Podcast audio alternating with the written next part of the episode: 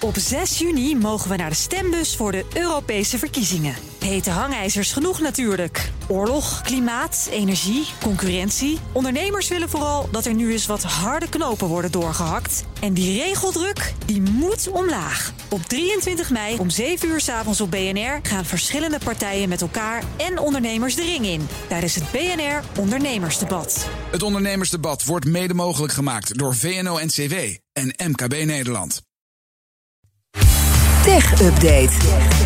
Inderdaad, want Klerk zit hier. China opent de aanval op de gamesector in eigen land. Conor, vertel. Ja, de Chinese overheid uh, draait de duimschroef op de techsector steeds strakker. Uh, na strengere regulering uh, voor grote techspelers op monopoliegebied. Um, onder andere bedrijven moeten aan meer regels voldoen om leningen aan te kunnen bieden. En beursgangen in de VS worden moeilijk. Er is nu eigenlijk de game-industrie aan de beurt. In een Chinees staatsmedium wordt opgeroepen om online gaming te reguleren. Het gaat om de Economic Information Daily. En daarin wordt geschreven dat veel tieners verslaafd zijn aan games. Mobiele games worden zelfs spiritueel opium genoemd. Er wordt uh, onder meer verwezen naar het spel uh, Honor of Kings. Dat is van Tencent. Dat is bijzonder populair onder Chinese jongeren. En Tencent zag zich ook meteen gedwongen ja. om te reageren. -hmm. Kort na het artikel kondigden ze strengere tijdslimieten aan. Voor minderjarige spelers. En ja. ook uh, kunnen kinderen onder de 12 geen aankopen in games meer doen. En Tencent werpt zelfs uh, de vraag op of jongere kinderen überhaupt wel online zouden moeten kunnen. Het is zelfs een soort zelfreinigend verhaal van Tencent. Nou ja, maar, ja, maar is... Tencent wordt de partij aangepakt ja, door de Chinese overheid. Absoluut. Zien we dat meteen aan de, koer, ja, de koersen van die gamebedrijven? Krijgen die klappen? zeker, ja. Japanse en Chinese gamebedrijven die gingen hard onderuit op de beurzen in Tokio en in Hongkong. Beleggers die lijken te vrezen voor die strengere regulering. Tencent kelderde dik 7% in Hongkong. En ook uh, branchegenoten NetEase, XD en uh, GME Technology gingen onderuit. Inmiddels een beetje opgekrabbeld. Maar je ziet wel dat de schrik er goed in zit. Zo, maar als je naar Tencent kijkt, de, de afgelopen zes maanden, joh. Het is, uh, ja, is een, het is een naar beneden. Ja, is het, ja. En dan gaan we naar het IMF. Dat waarschuwt El Salvador nog maar eens bitcoin, jongens, als nationale munteenheid. Dat is gewoon een slecht plan. Ja, dat lees je in de Financial Times vanmorgen. In september, 7 september, gaat El Salvador als eerste land ter wereld de bitcoin invoeren als nationale munt. Het is dus een wettig betaalmiddel en zou in theorie overal voor te gebruiken moeten zijn. Dat gaat sowieso logistieke problemen opleveren. Daar is een mooie aflevering van BNR Digitaal van gemaakt. Als je daar meer over wil weten op bnr.nl.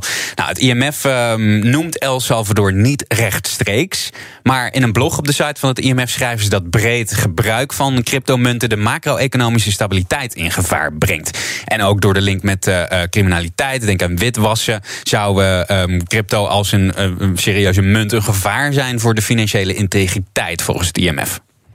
Kijk al. En moet Salvador zich, El Salvador moet ik zeggen, daar iets van aantrekken... of kunnen ze gewoon de middelvinger opsteken? Nou, wellicht uh, moeten ze daar wel wat mee. Want ja. El Salvador is uh, al lange tijd aan het onderhandelen met het IMF... over een lening van een miljard dollar. En volgens de Financial Times uh, zou dat bitcoin-experiment... die relatie toch wel op scherp kunnen zetten. Hm.